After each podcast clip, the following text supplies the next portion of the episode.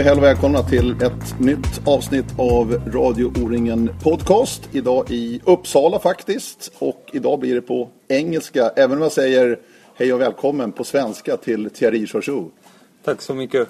Ska vi ta det på svenska eller engelska? Uh, jag talar inte bra svenska, men uh, jag älskar Sverige och Per Forsberg. But uh, it will be a lot more comfortable to speak in uh, English. Yeah, I think uh, we will do that. Uh, and welcome to this podcast. Uh, you are taking some Swedish courses right now. Yeah, it's uh, now I'm taking those uh, summer uh, Swedish courses at uh, Universitet in uh, Uppsala, and uh, it's very intense. I have been starting uh, now for a week or so, and uh, it will last some more. But it's very nice. It's like uh, six, seven hours per day, and of course, it's the only way to to succeed, I guess.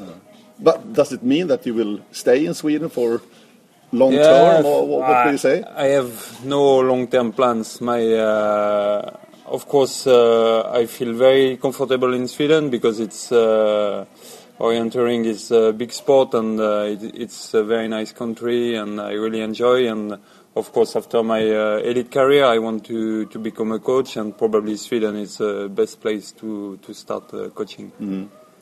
Uh, you are from France, from Saint-Étienne, in the southeastern part of uh, France, you can call it, close Yeah. to the Alps. Yeah. Yeah. Yeah, so it's uh, where um, I uh, was born and uh, where I spent uh, 33 years of my life. So I have just been moving to Uppsala the last two years. So uh, of course Saint Etienne is uh, the place I have been uh, growing up and uh, I have developed as an orienter. How come orienteering? Where where do you find this great sport? Yeah, it was uh, of course in uh, end of 80s and beginning of 90s. Orienteering was nothing in France, and it's still a very small sport. So, but uh, luckily, my uh, parents they were both uh, sport teacher, and my uh, father was really eager, and he just discovered orienteering a little bit by luck, almost when I got uh, born. So it was uh, right away he, he was bringing the whole family. Family. My father is just the same type as as me, so really straightforward. So it was uh, yeah. At the beginning, it was just uh, traveling with family and doing as much as uh, we could. And they were sport teachers, so you get extra long holidays uh, because we are a little bit lazy in France. So we could travel uh, really a lot in summertime, especially in Scandinavia. So you have been here as a youngster in Sweden and Norway and Finland, or? Yeah, absolutely. Already when I was uh, 10, 12 years old, we were having uh, summer trips in Norway and in Sweden. And uh, so I think the first time I was running some stages of uh, O-Ringen was uh, 92, ni- summer 92. yeah.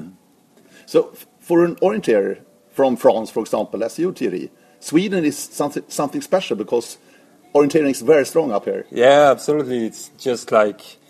It's like Brazil in football, was, or? No, it was even more than this because when we were traveling, we couldn't just imagine that orienteering could be that big, like at Oringen or like uh, or that those kind of competition could gather 20,000 people. It was just impossible to imagine. But what's the most funny was like we we were so we were putting the Scandinavian runners so high uh, in our, mind. It was like just gods. If we could if we could see Norwegian name or Swedish name, it was like oh okay. He's just a master, and I just can't follow him. Or so, so he, he, yeah, yeah, and uh, we, my uh, father became coach of the French team uh, later on, and uh, he was so eager and to push us to to really perform and try to beat those legends. Each time at the international competition we were beating a Norwegian or a Swede or a Finnish guy, we got a small mark on our shirt, like Okay. those uh, aviators during the war when they killed one plane, they could get a mark on their plane. So it was, it, it was just the beginning. We were starting really from the bottom floor. Oh. What kind of idols did you have at, at that time? Yeah, I had. You look up for for yeah, of course, of course. But uh, if I have just to say one Hmm? one name, it's uh, of course uh, Kent Olsson, the, the giant Swede, because he was uh, winning the World Championships in France in '87. So it was, uh, of course, we we were in uh, in France uh, to watch uh, the competition and uh, seeing him uh, winning and.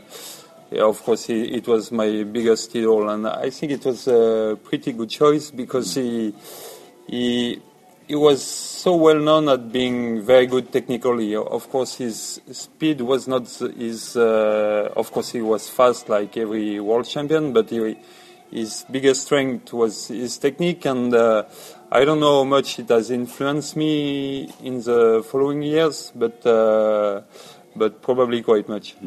You were only eight years old at that time, 87. Yeah, absolutely. When Kent Olsson yeah, won this yeah, gold yeah. in France. Yeah, it was a big happening. But already there, you you saw his, his technical skills and such. No, because uh, of course at that time I couldn't uh, compare the runners between them. But uh, of course my father was uh, learning Swedish and Norwegian, so he could translate a lot of things, and and um, he was always telling us that he was a master of preparation for World Championships and etc. So. Yeah, of course. Uh, I heard he was uh, he was famous for his preparation and his uh, technical skills. But c- can you point out the time when you discovered that you were very talented uh, in the sports orienteering? Can you find It's that? uh, it's su- it's super hard to say because uh, in France I was starting very early when I was four or five years old, and of course it was very easy to win because the the competition we were maybe just two, three sometimes, and at the national level maybe ten, and the, I was winning most of them. But um luckily we were traveling quite a lot, and uh, in I think really the the beginning of my dream was in '91 when it was uh, World Championships in uh, Czech uh, Republic, and we were taking part to those spectator races, and I was winning the spectator races on men 11, and it was a lot of foreign competitors, and that day I really felt oh. Uh, I, I really want to, to become because it was a funny story. Like when uh, so for me, winning this uh, those spectator races was just like becoming men 11 world champion. But when I came back at school after the end of the summer and I told my friends, "Oh, I'm men 11 world champion," they were just laughing at me, and I felt really bad deep inside. And I say, "Okay." No, I should really become a world champion, a real world champion. And so I think it was in 91. So I was 12 years old, and then I was uh, then every year it was more and more serious, and uh, and then uh, I was starting to get some smaller success in international race- races. We will come back to that. But uh, at uh, 91, uh, you were 11, 12 years old. That, Yeah. That's correct. Uh, but you have tried another sport, uh, other sports also. Yeah, of I can course. imagine. Uh, as I said, my uh, parents were sport Mm. teachers, so they were we were spending really all our time, our free time uh, at sports hall or outside playing. So I have been playing, of course, uh, skiing, uh, Nordic skiing uh, quite a lot, but uh, my biggest sport was uh, handball. Mm-hmm. But uh, I was playing in. Uh, uh, at school, and uh, but still it was two, three trainings per per week, and then I was stopping uh, when I was 15 years old. and it was full focus on orienteering. And uh, 97, Grimstad World Championships in Norway. Yeah, You made your debut in, Yeah, the, yeah. in the World Champs. 18 years old only, Yeah. Thierry. yeah, it, It was a big step for uh, you. Yeah, of course, because um, that was not my plan. I came to the test races of the French national team and I was uh, winning them. So my father, who was a coach, couldn't uh, do anything else than picking me, and uh, it was just incredible because, like, uh, of course, I was 18 years old. I was not uh, prepared. I was not good enough. But uh, when you in Grimstad, uh, at that time, all the teams were staying at the same place, and when you went to the lunch buffet and the lunch room, and you could uh, see on the next table uh, like Jörgen Mårtensson or Petter Thoresen, you were just not eating at all, just looking at them. Okay, they do this, they do this. So it was for me. I have always said it was uh, a weakness to be a French because orienteering was so small, but it was also a strength because I could make the senior team already uh, when I was 18 so it was I was unprepared, but I could get a lot of experience. And those, I call it, you know, those books you you have in uh, football where you collect those panini. It's uh, like uh, it was same for me at that time. I could really make my book, so I, I was seeing those champion and okay, oh, he's doing this, mm-hmm. and then the following years I was just focused on my races. So it was really important, like like uh, I had a chance to make a world championships a little bit like a tourist. But then the following years, I could really focus on my uh, on my performance, and uh, yeah, I think it was uh, really a big chance because if you compare to the Swede, uh, we ask them already at their first championships to, to perform really hard. If not, they will probably not have a second chance. Or mm. so it's it was different, and uh, I felt lucky. Mm. I can understand that. Uh, at that time, uh, were you a group, this generation, we come, uh, training together there in Saint Etienne, or how does it work? Yeah, that was uh, really the the key the key of our development mm -hmm. as uh, orienters. My uh, father, who really is, has most important role in in my development was uh, creating a training group in Saint Etienne, and uh, all the talents from France were training together, and it was like uh, the most famous ones were François Gonon, who is uh, still competing, and uh, Damien Renard, who now live in uh, Norway, and it was really important to train in this group because we were not good but we were pushing each other to to be better at every training. And my at that time in '90, so this group was starting in '95. It was uh, some kind of unique. It was not so many places like uh, nowadays uh, you have in Denmark or in Turku or you have a lot of those training group. But at that time we were using uh, those uh, electronic punching uh, emit at every training, and it was competing, competing, competing. So of course it was really tough, but our, our level was rising like uh, month by month. So mm. it was uh, we were competing for everything: the, the best in the running, the best in climbing. The, so it was a very competitive group, and uh, that's why we we managed to to fill the gap between mm. the between us and the others. Mm. So it must have been very, very important for you also to have Francois and Damien yeah, to train together with. Of course, it, it was because pushing uh, each other and yeah, such. It was very special because we were very strong friends, training uh, every day together. Mm. So it was very special, and uh, and uh, it's very hard if you are all alone to succeed. You, I, al- I have always think it's better to train in a group because uh, because you push push each other quite uh, quite much. Mm. Now we are sitting here. It's uh, almost August 2014. Yeah. And uh, you have achieved 12 gold medals in the World Championship. That's phenomenal. Yeah, yeah, it's. Um, you must be impressed by yourself some somehow. But, or? Uh, it's it's very hard to describe my feelings because if I put myself like uh, 15 years ago or 20 years ago, my dream was just to get one, and I was. It really felt like it would be impossible because the Scandinavian runners were too strong, and it will be, it will be impossible for a Frenchman to do it. So, just one would have made me very happy. But at the same time, nowadays I have been winning a lot, but I uh, am the type of person who don't uh, look so much uh, behind, and uh, when I get a success like this summer at World Championships, the long distance, it's it's sad in a way, but it's a reality. I enjoy it like half an hour, and then uh, after half an hour, I'm already thinking about the next competition. So the time I'm enjoying the success is uh, very, very small, and it, it, can be sad because uh, I mean, it's a big achievement, and uh, I could see some people enjoy it a lot longer. But uh, it's also maybe a reason why uh, I have not been uh,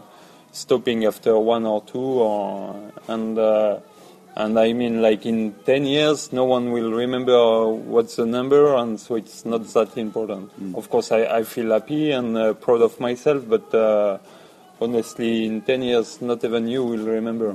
I will, I will. I can promise you. Uh, which of the gold medals means most to you? It's If you look uh, back, if you look back now. Yeah, it's uh, it's also a little bit hard to say. The first one was really really important because that we did it. Like it was the last time my father was uh, coach of the French team. He was going to retire uh, after these championships, so it was really important to to do it together. And so the first one was, uh, of course, special because then you know you have done it. So some kind of the pressure relays and but um, then everyone has been a bit special. But I uh, I really like to remember the one in 2004 in uh, Västerås because when you have been winning once, you are not sure you will manage to do it a second time because, uh, of course, people people can be a bit skeptical, or maybe it, wa- it was winning by luck, or and then you get this into your mind, and it it can stress you and say, oh, maybe they are right. It was just one shot, and uh, I won't make it again. So. And in 2004 in Scandinavia, it was uh, very special, and uh, this one uh, I will remember uh, quite a long time. And uh, the others one, of course, they are nice, but uh, I think 2004 was quite strong. We will come back to some episodes very soon from, from Yeah. your career and Yeah. world champs. But first of all, uh, this first goal in Switzerland 2003 in the middle distance. Yeah. Uh, two things. First of all, you open the door for the French orienteers. Damien, Francois, you talked about uh, earlier about. Francois is also medalist. Yeah. Damien won the Swedish champs two years Yeah. later here in Sweden, Yeah. uh, in the middle distance also. So it, I think it was very important for the French orienteers and maybe some other from the continent also, uh, the European continent, that you show that you don't need to be a, a Swiss or a Nordic orienteer to win. Yeah, yeah, yeah, absolutely. It was, uh, yeah, it was uh, very important to, and nowadays it's very easy for me to say that no matter from where you come, you can be a world champion. Like in our training group, we have uh, this Canadian girl, Emily Kemp, and of course she can be become a world champion. It's just a matter of will and putting every pieces of the puzzle together. Of course, it, it might be more difficult than in some other place, but it, it's possible. And um, and nowadays, we it's really important that because it, it's it has been a very long journey. Because in 90s, when uh, people were saying uh, France in the start list of a World Championships, people could have joked nowadays, and it's my uh, biggest. Uh, it's what I'm really proud of. It's like uh, nowadays, no one is joking when he's seeing a French name, and and um, yeah, it has been really a mm. long journey to get mm. there. Yeah, and yeah. Uh, now we have a system who work more or less good, but. Uh, yeah, probably when I will stop, there will be like some good runners still, like Frédéric Tranchant who, and Lucas mm. Basset, who, who have the skills to to be top 10 or even uh, medalist at the World Championships. And the second thing I'm thinking about when we're talking about this first goal for you in Switzerland is that you took the map reading and the technique to another level. Yeah, And that's a fact because yeah, it, it yeah, was a big, yeah. big uh, chat about this. Yeah, of course, because um,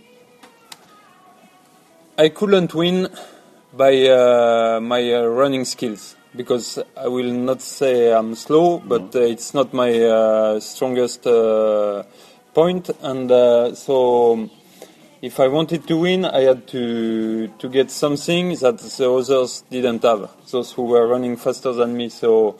I had a big focus on the technique, and when I was a teenager, and uh, we, with the help of my father, we were really putting a lot of energy on the technique, and uh, and probably I, I have reached a level that uh, was yeah, you, you said it was uh, not done before, but uh, it has been excellent map readers before, and uh, so it, it's hard to compare. Mm. But uh, yeah, of course, when people think about uh, myself, they will see the technical skills mm. before, mm. all before. But of course, I can run as well. Yeah, yeah, of course. you need you need to. Otherwise, we can't win anything. but, but, but the winning margin there in Switzerland was two minutes, yeah, approximately. Little, little bit more. A oh, little bit more. Uh, in this middle distance. Yeah. So therefore, it was a lot of talk about this this race. Is it one of your best races ever?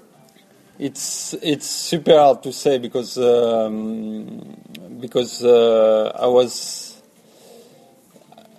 it's very hard to say because I was really happy with that race. In total, I, had not been more than uh, 20 in total 20 seconds slower than all the fastest time together. So the Superman time. I, I don't think I have been uh, any time uh, that close, oh. but. Um, the terrain was very suitable for my technique, and uh, yeah, it was, it was some kind of perfect day. But I had some I had had some good other days as well at World Championships, like in 2007 at the at the middle distance in uh, Kiev. I was also performing quite well that day. Mm. Yeah. Uh, I've written down some episodes from my memory yeah. on the paper here, yeah. and uh, we start with the relay in Czech yeah. Republic, 2008. Yeah. The French team was on the way. It was all set together for, for, a gold medal for France. Yeah. And something happened in the end of that relay, the third last relay, yeah, leg. Yeah, what, was, what, happened, Thierry? Uh, I was uh, shadowing uh, B, so uh-huh. it was like uh, it was. Uh, it's still quite tough to explain because uh, I. Um, it felt so important for me and for the team, of course, and uh, so uh, I couldn't finish the race, and I went to hospital by helicopter. So it was uh, it was really uh, it was really hard to to to put this behind me because it was in a way I could do nothing about it, and uh, I had really killed the dream of my teammates. So it was uh, quite heavy to carry this and uh, and the, just as you said, it was just the beginning of the relay uh, stories. yeah, yeah, yeah, it's come more. It's come more. yeah, yeah. I was uh, I was the commentator on Swedish yeah. TV. Yeah. So I sat in Stockholm. Yeah. Commentating this. Yeah. And uh, all was set for the goal for France. Yeah. And suddenly, yeah. you were walking there in the forest. We, we didn't understand nothing. Yeah. Absolutely nothing. Yeah, yeah. It was hard hard to see. Also. Yeah. yeah. Yeah, because it was so strange everything. Yeah, because my plan was that uh, emergency team could come right from the opposite direction of the course, so that's why I was uh, following the course, and uh, I could st- uh, feel like I could still brace uh, quite well, but I couldn't run anymore. So, so yeah, it was like uh, it's you know I I it's really important for me to analyze a, all my races and find an answer why I have not been succeeding that day or or this other day. So that one it's really frustrating because you, you can't really find a proper answer. So it's uh, it's yeah, but of course I uh, it's fine. No, mm. uh, it was like mm. six years ago yeah. or even mm. more. So. The year after yeah. in Hungary, Miskolc, yeah. also the last leg in yeah. the relay. Also very, very strange. Yeah. Martin Johansson, Sweden, was in lead and hurt himself very bad in his leg. And you, together with Anders Nordberg, Norway, and Michal Smola. Czech Republic, stopped yeah. and helped him. Was it any discussion about? No, no, because he, he was very bad, or it's. Um, we were running really full speed at that time because it was just like uh, 20 minutes uh, running left, and uh, I mean we were like four for the three first places, so it was uh, and um, it was really strange because it was like really you change from one situation to another in just one second. Like you you the previous seconds you just want to to beat them and uh, you try to find some weakness and where you can attack and etc. And then this happened, and What, what, was he screaming? he, or he was yeah yeah I could see he was hear- running just like 10 meters from me and I saw him falling falling down and I said oh he just twisted his ankle or like this because he was uh, screaming quite loud so I just came I was the first one to come close to him and then I saw this stick in his it was really unrealistic and at the same time Martin is quite a strong uh, guy and he, was oh uh, like, oh no, it's nothing. And then I could see the stick, and I say, oh, yeah, no, we have a serious problem. I, I mean, it was no, we the race was over in just one.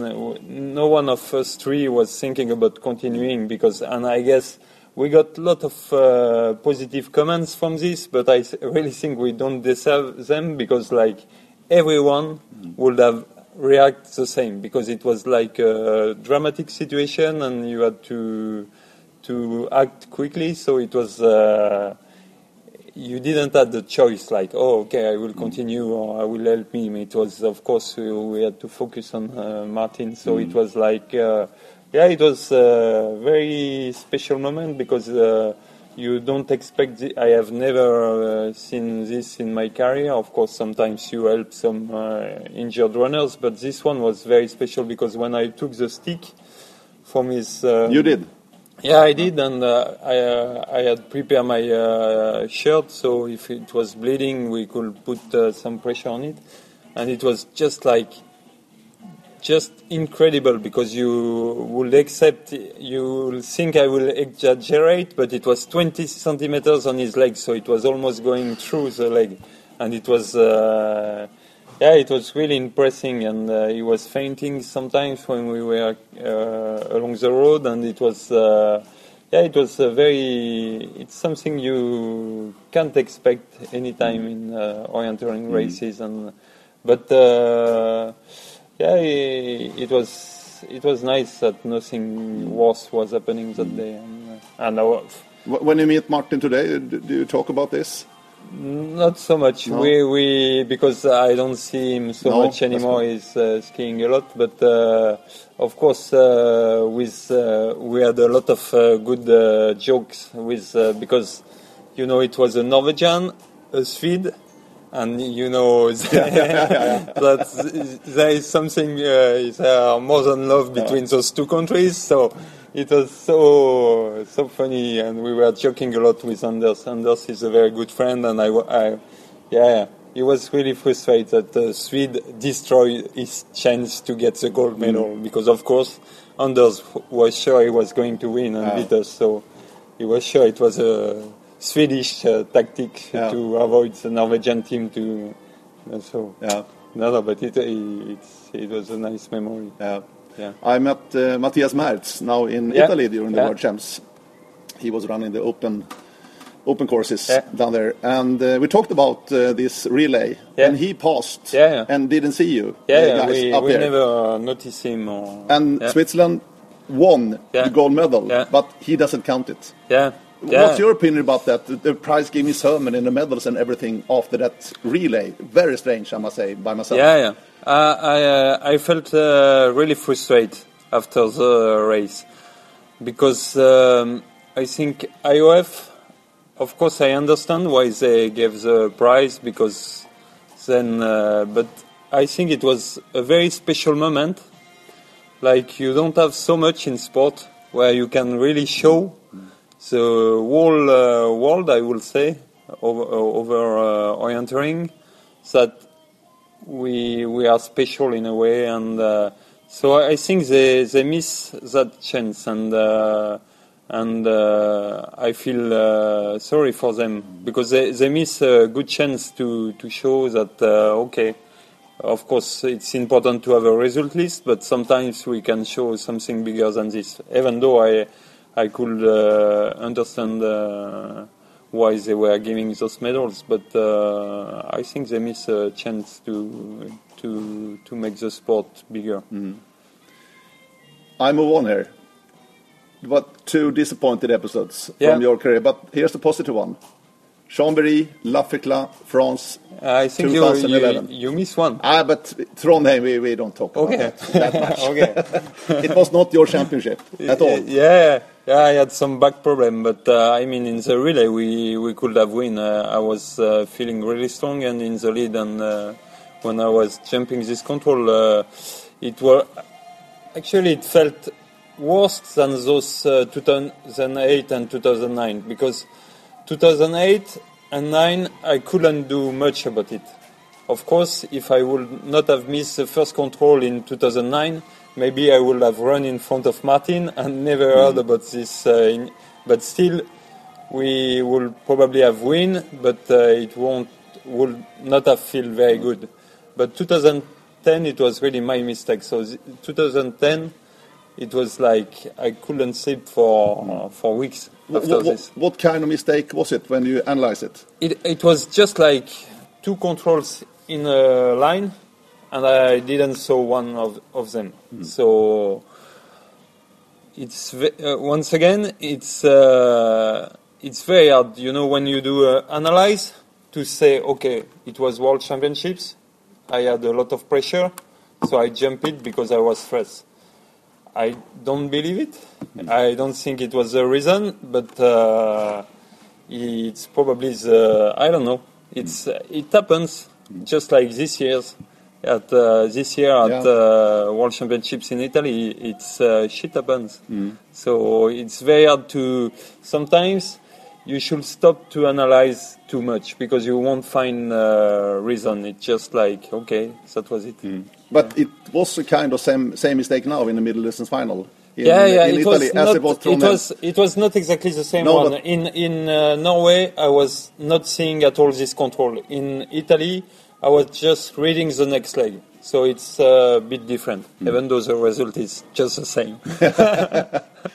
It was a big disappointment when you punched, punched out. I can believe in Italy now. Ah, it was a nightmare. Oh, Yeah, yeah, yeah, it was uh, re- really, really tough because, uh, of course, I was really happy to to win the long distance because uh, then uh, it's i- I'm in a position like few are in uh, orienteering world. It's like it's winning or nothing uh, because I have got quite much success. So even a silver medal who can be seen as a top result for someone else doesn't test anything for me and mean a big failure like it was in 2006, 2012 when I was not uh, world champion those years.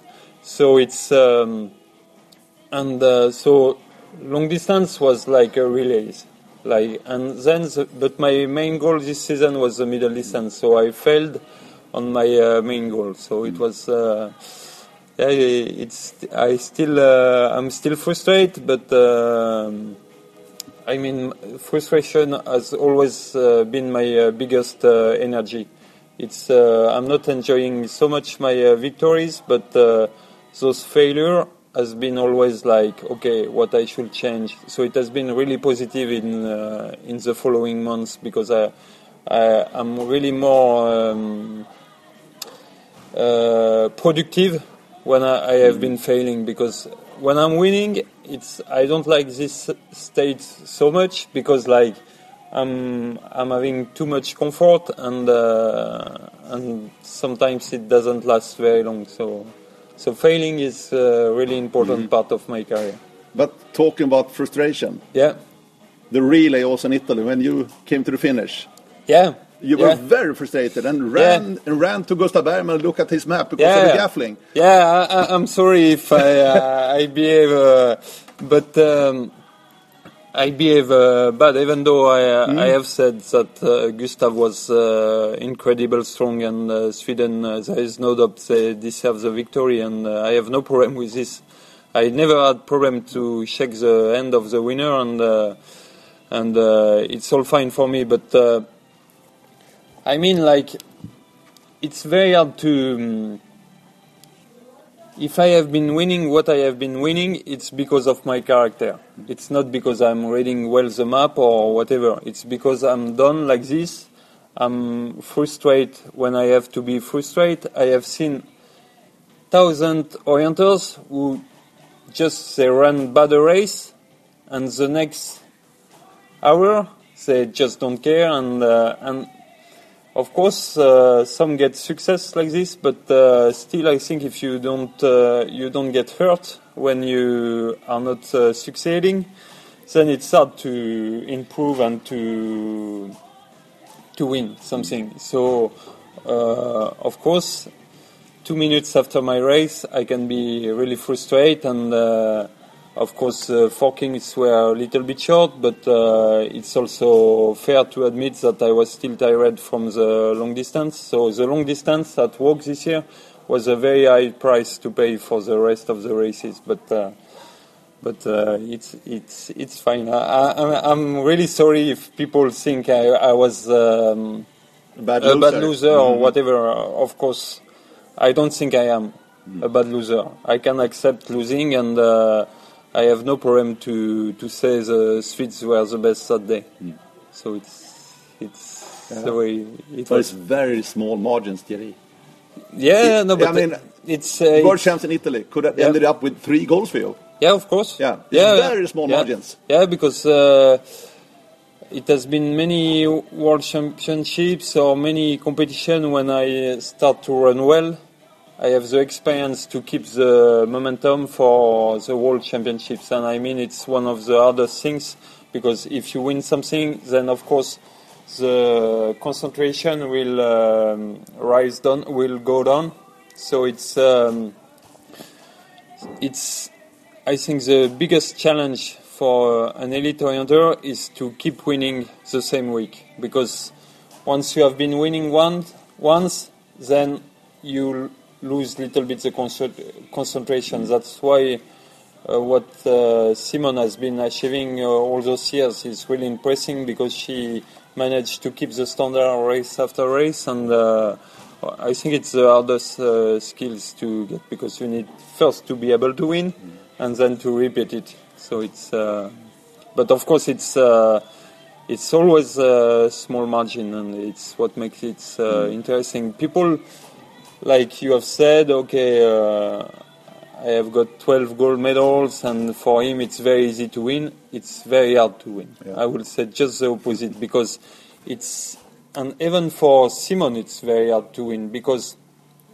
there are huge expectation each time she's competing competing so it's her expectation of course which are the most important one but all around everyone expects you to win like it's little bit less nowadays because I have not been winning so much uh, those last year in middle distance. But I came to a point like it was 2011, 2012. It was like the long distance was so nice for me to run because no one was expecting me to win. So it, it felt just like, okay, I will just run it and see what uh, it brings. And uh, if I'm not winning, it's, it's not a disaster. But at the start of the middle, it was, I must win. So it, it was completely different. Like, uh, and yeah, but I, I mean, it's, it's a lot the same for uh, a lot. Uh, I was uh, reading an interview from uh, Roger Federer, and when he was at his really top best, it was like he had to win. So there is just like uh, Roger, uh, Rafael Nadal on uh, Roland Garros.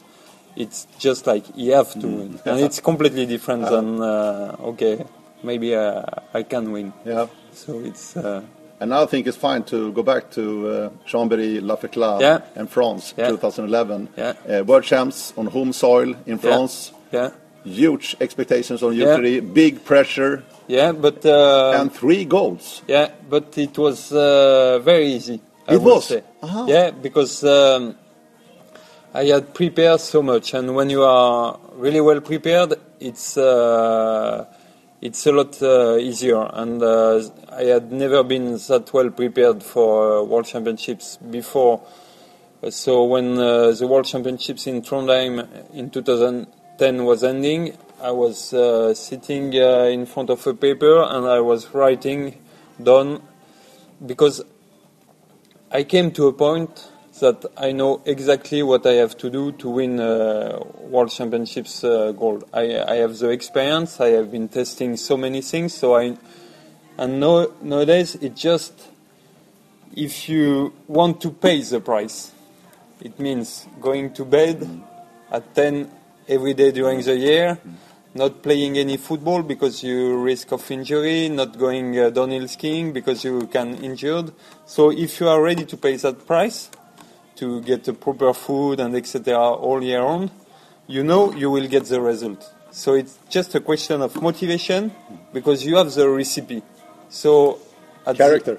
yeah, yeah. So in 2000, uh, at the end of the 2010 season, I had made a three pages uh, list of things I had to do to be ready for this World Championships, and I had stick so much to it.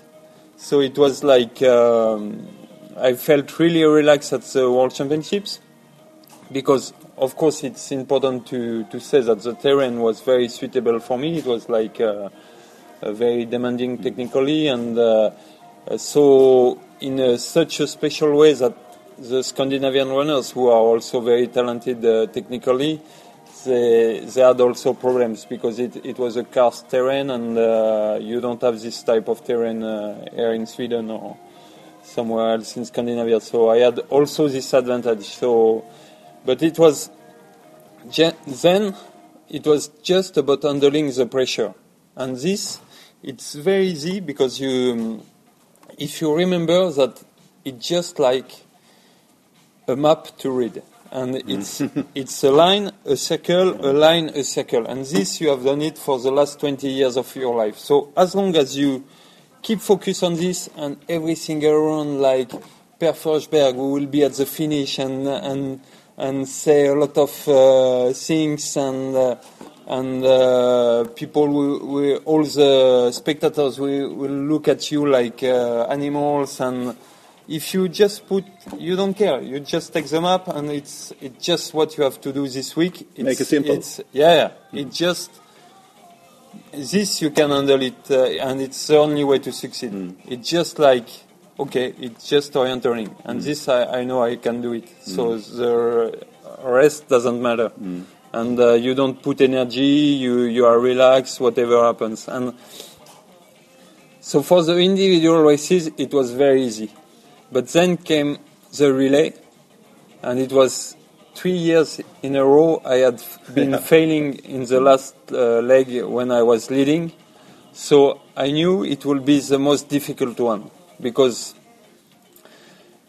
everyone I had prepared so much. Uh, it's all about preparation, as I have said, but I was so prepared that every people I will meet that day or the day before will look at me in a strange way and say, okay, good luck. And everyone will say good luck in such a way like, oh, let's hope he won't spoil it again. And I had prepared this each time, okay, I was totally ready. Everyone will say me good luck and uh, will be really stressed when they will say it. Uh, and I said, okay, but it's just orienteering, so I will just enjoy it and take my map and just like play, play. It's the most important. It's just like you play. You you know, it's a famous. um I had two trick.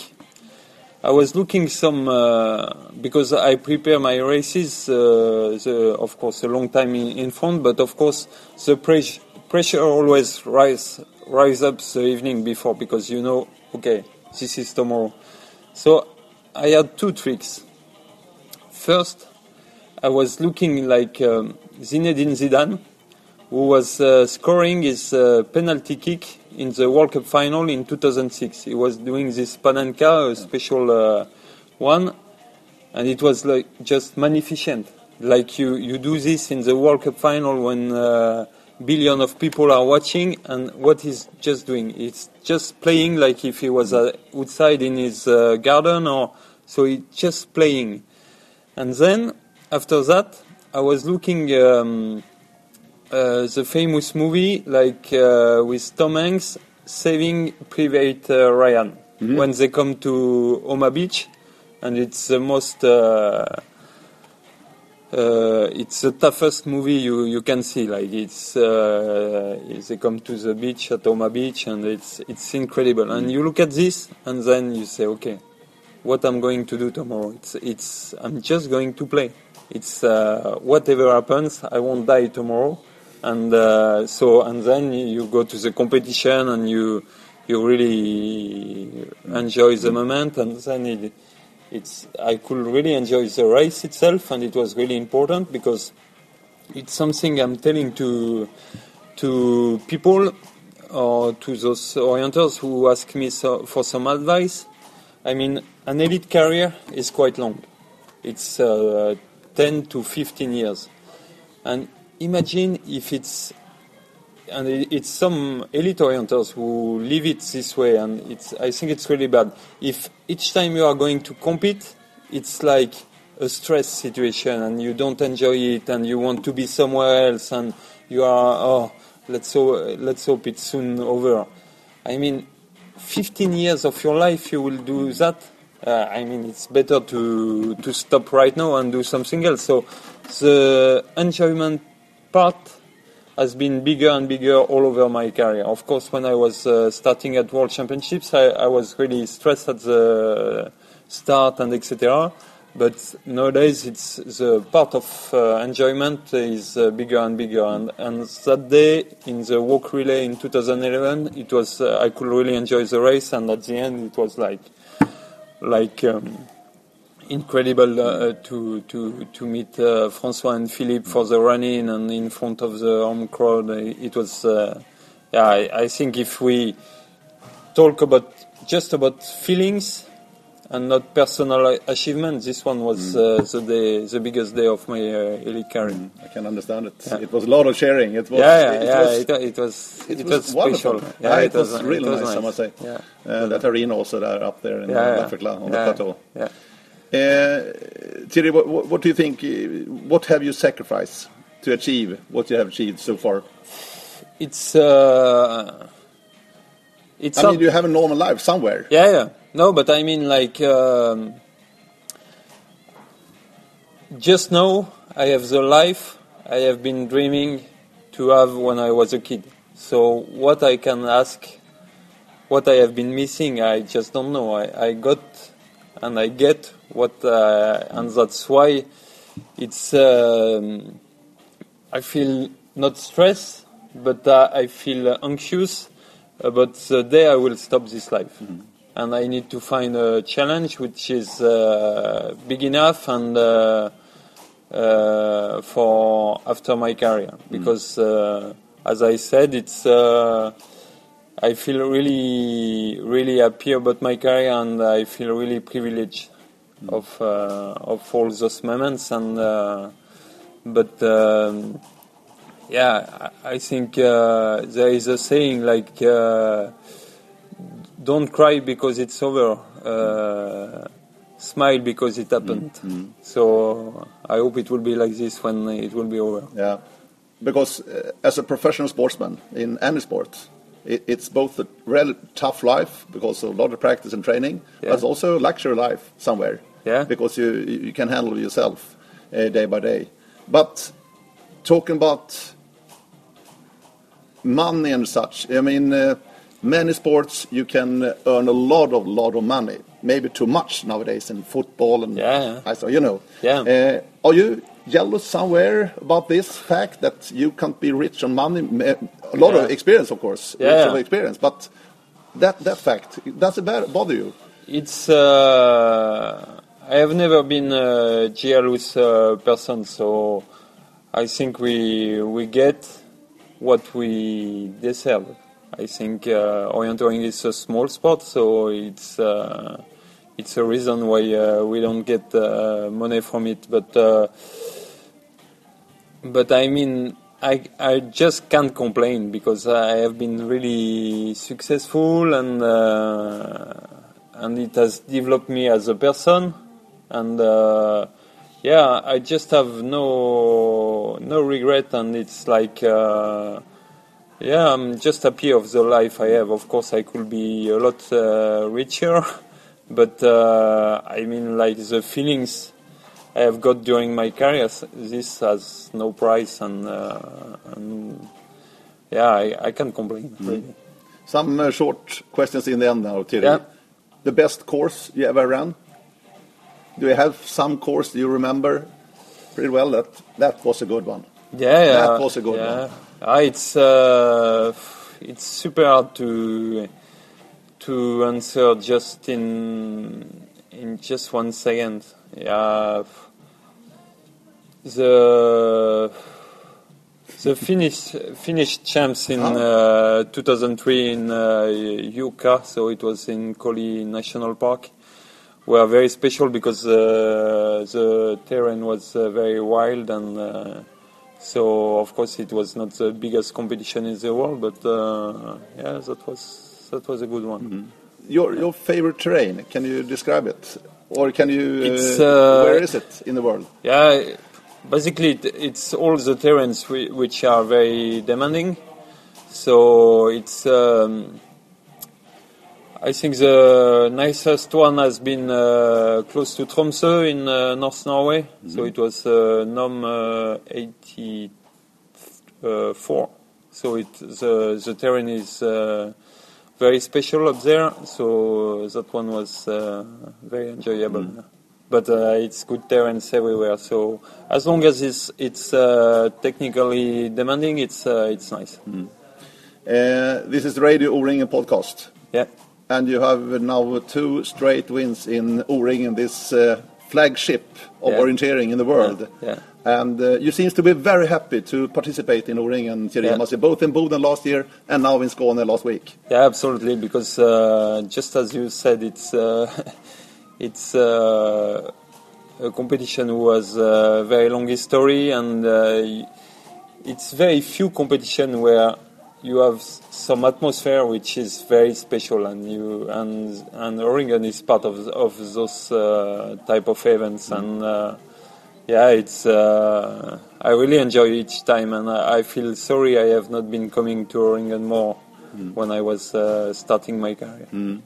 Wh- What do you say about the quality of O-ringen nowadays? I mean, courses, maps, and, and such. Yeah, it's. Uh, I think they really, really set a very good standard, and uh, what I really like is that you can get elite competition at the same time as everyone, and and uh, of course sometimes I get frustrated in forest because people don't punch fast enough or there is a long queue. But I mean, it's really the nature of our sport, and uh, and this I would not like to change it, and uh, and I think it's it's very nice to to pass some. Uh, some uh, kids or old people who share for you in the forest, and it's uh, it it make it very special. And uh, yeah, O-Ringen is uh, is that type of heaven you you would like to run quite quite forever. And I still remember the last day when you were writing your signature to all the kids waiting for you. Yeah, yeah. It was many. it- it's uh,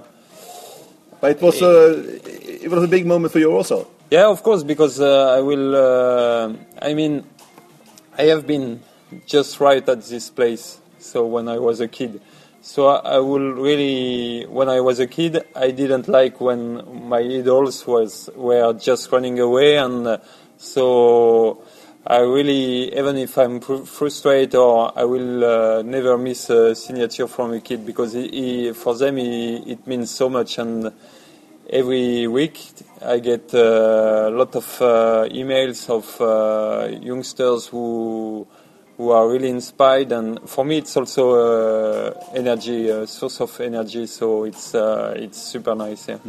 I, and I have time for this no worry. And what about you now, Thierry?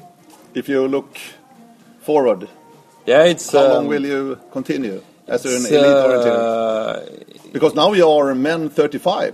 Yeah, yeah. You can play- you can go to Yeah, Brazil yeah, and World course. Masters. Yeah, yeah, yeah. It was uh, uh, Jörgen uh, Mårtensson was uh, teasing me that I could be the first one to win both Yeah. classes at the same time. He was failing in uh, '97, even though he was uh, Okay. quite close. Yeah.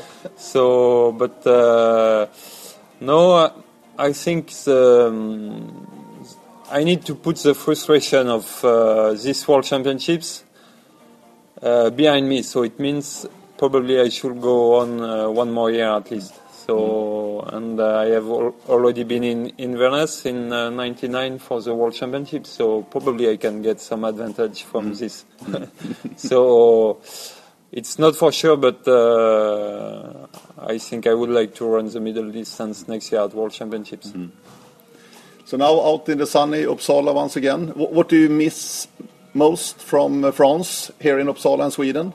Uh, not much. Okay, Probably, not much. of course, my friends. Ah, yeah. And uh, but uh, I mean, the life in Sweden is uh, really great. And uh, okay, maybe the only things I'm missing is uh, good fruits and uh, vegetable. Aha, you can't find it here. I they don't really taste just the same. Okay. Thierry, it has been a pleasure to have you here at the Radio Ring podcast. And I wish you the best of luck and a nice autumn. And uh, the next big goal for you? Yeah, it will be 25manna. Ah, with Rasti. Yeah. It- It's your club since more than a decade. Yeah, I was running uh, for the first time. It was Tiomila 2000. The Oh, first time yeah, I was running yeah. for them. So uh, yeah, it has been also very nice uh, to have this club. Ja. Thierry, thank you. Tack så mycket. Ja, just det, vi tar på svenska. Ha en bra dag då. Tack, tack.